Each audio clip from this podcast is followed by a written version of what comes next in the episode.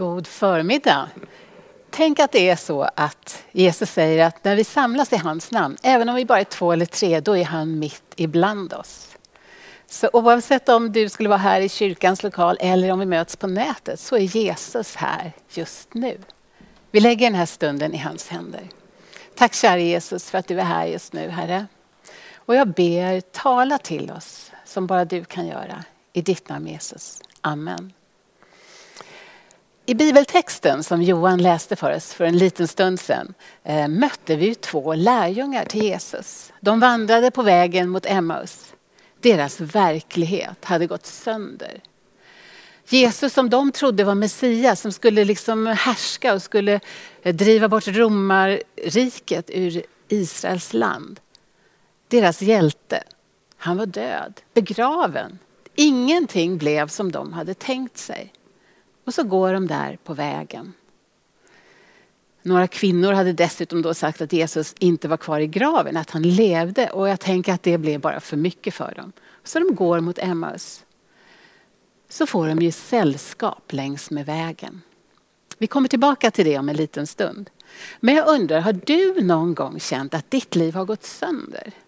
Att verkligheten inte stämmer med någonting som du hade tänkt? Jag tror att det är så för många nu i coronatider.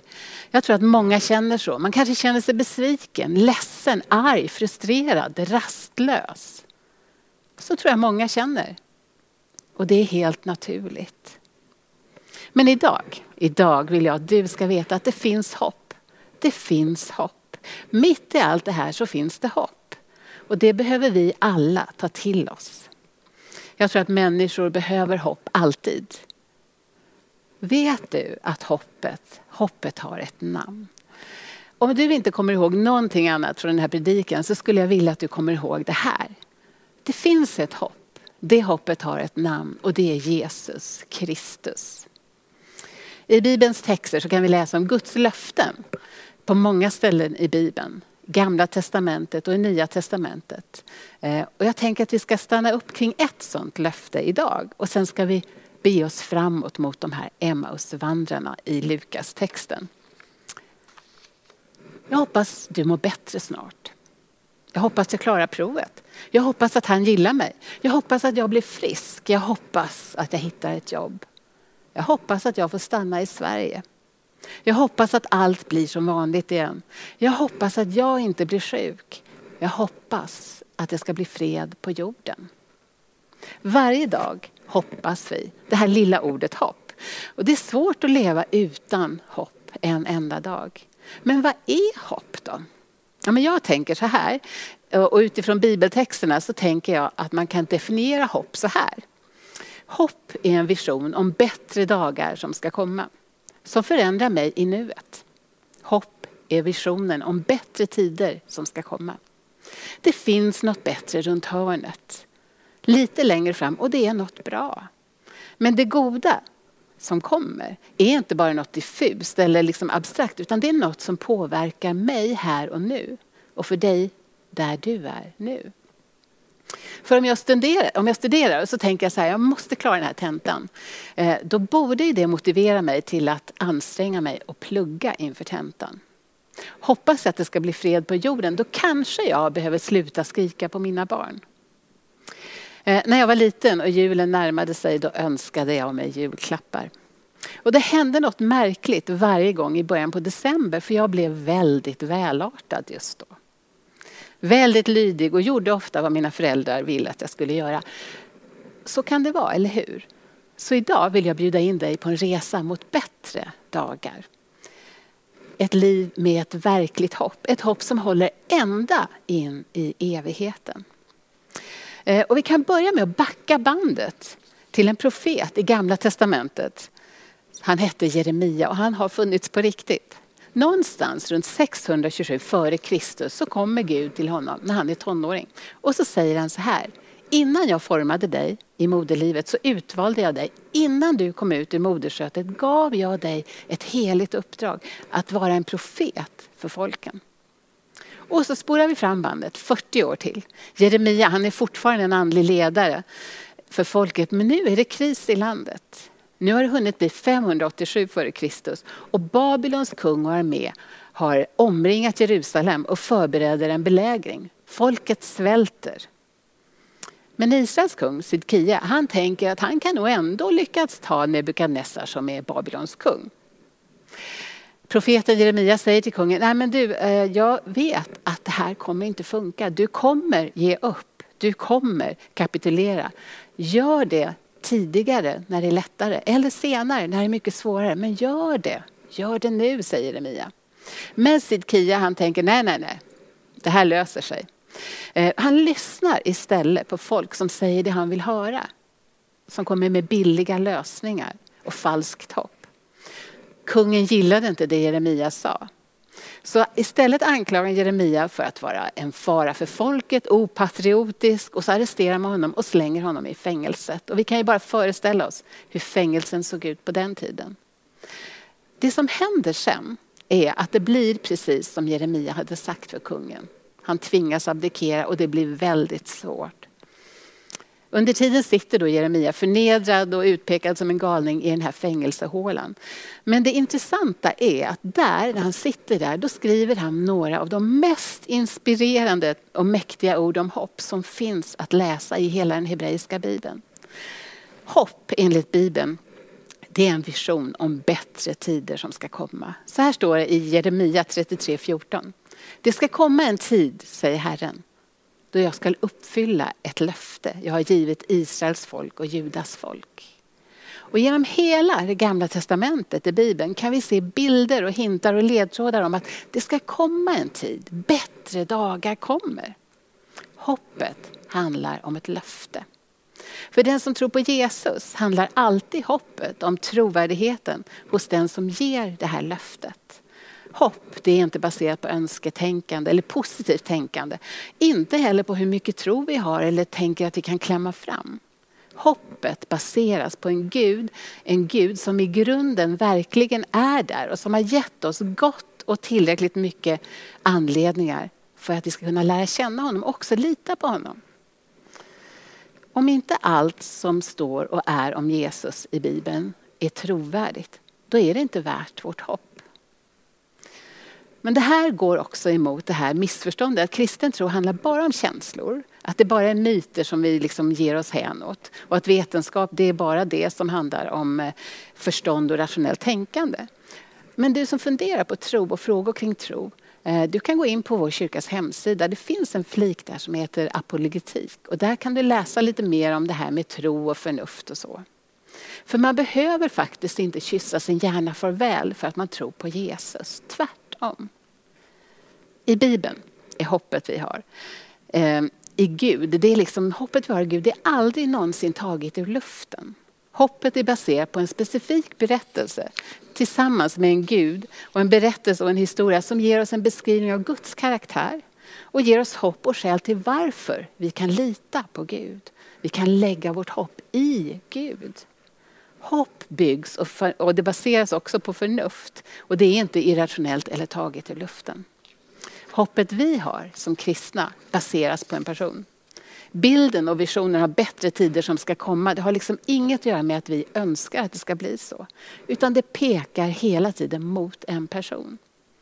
Hoppet i våra liv hänger inte på om jag får det där jobbet eller om jag lyckas på något sätt.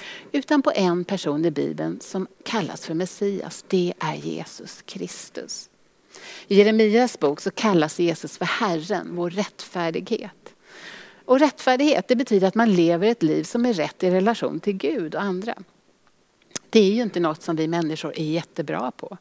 Vi klarar faktiskt inte att göra det själva. I alla fall inte jag. Det är faktiskt bara Jesus som har klarat det. Eftersom Jesus själv är Guds och kom till jorden så är han den enda fullständigt rättfärdiga människan som har levt på den här jorden. Och det här leder oss till kärnan i det som är evangeliet, våra goda nyheter. Som har allt att göra med det som hände på långfredagen och påskdagen en gång för länge sedan.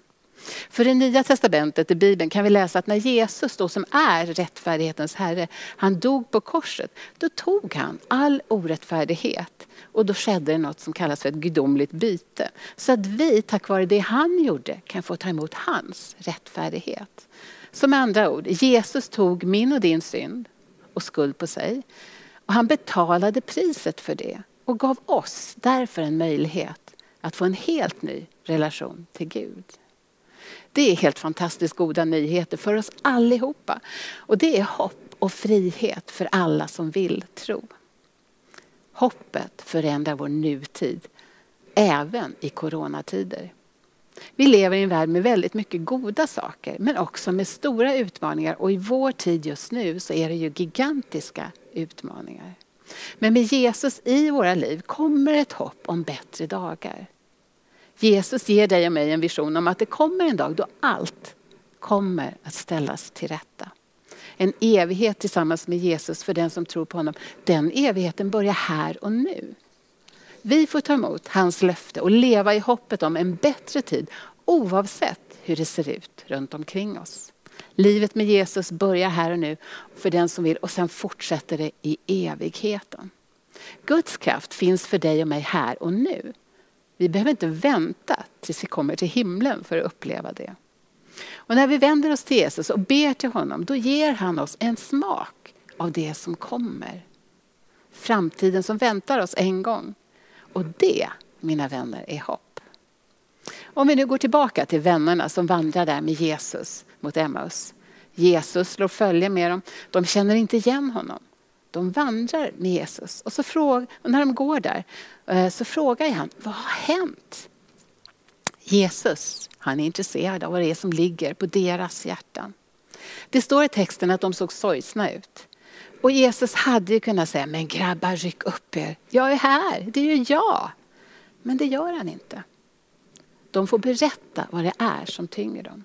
Senare när de kommer fram till Emmaus så ber ju lärjungarna Jesus stanna kvar hos dem. Äta middag med dem. Det står att Jesus följde med och så stannade han hos dem. När de ska äta den här måltiden som Johan läste om så bryter Jesus brödet, läser tackbönen och då öppnas deras ögon. De känner igen Jesus och så stod det att deras hjärtan brann. Jesus, världens hopp, han lever idag. Han har öppnat vägen både för dig och för mig till en ny relation med Gud. Hans heliga ande, hjälparen, finns här för dig och mig just nu. Du kanske idag, precis som lärjungarna på vägen till Emmaus, behöver få berätta för Jesus vad det är som ligger på just ditt hjärta. Stanna upp, lyssna och höra Jesus fråga dig, vad har hänt? Ibland så tänker jag så här, eller jag tänker faktiskt så här att jag tror Jesus gjorde det för att han ville att de skulle få sätta ord på vad det var de tänkte och bar på. För någon kanske svaret blir, ja men Jesus, det som har hänt mig är det bästa som har hänt mig på länge. För mycket fantastiskt händer ju även om våra tider just nu ser bekymmersamma ut. För någon annan kanske svaret är, ja men Jesus för mig är det vardag. Det är vardag nu. Någon annan kanske säger, ja men Jesus det här är den värsta tiden i mitt liv. Eller jag bär på något som är så jobbigt. Berätta det för Jesus. Det är det vi kallar för bön. Han är intresserad av vad du har att säga. Han kan hjälpa dig. Bön det är att tala med Gud. Vi får berätta för Jesus och sen får vi vara stilla och lyssna på vad han vill säga till oss. Precis som lärjungarna på väg till Emmaus vill Jesus slå följe med dig och mig. Om du och jag tar emot honom i våra liv så har han lovat att alltid vara med oss. Alltid. Alla dagar. Alla sorts dagar. Men precis som Jesus och lärjungarna på vägen så behöver du och jag, vi behöver bjuda in honom i våra liv. Han tvingar sig inte på en enda människa. Men bjuder vi in honom så stannar han hos oss för alltid. Ingen behöver gå ensam genom livet. Absolut inte i coronatider.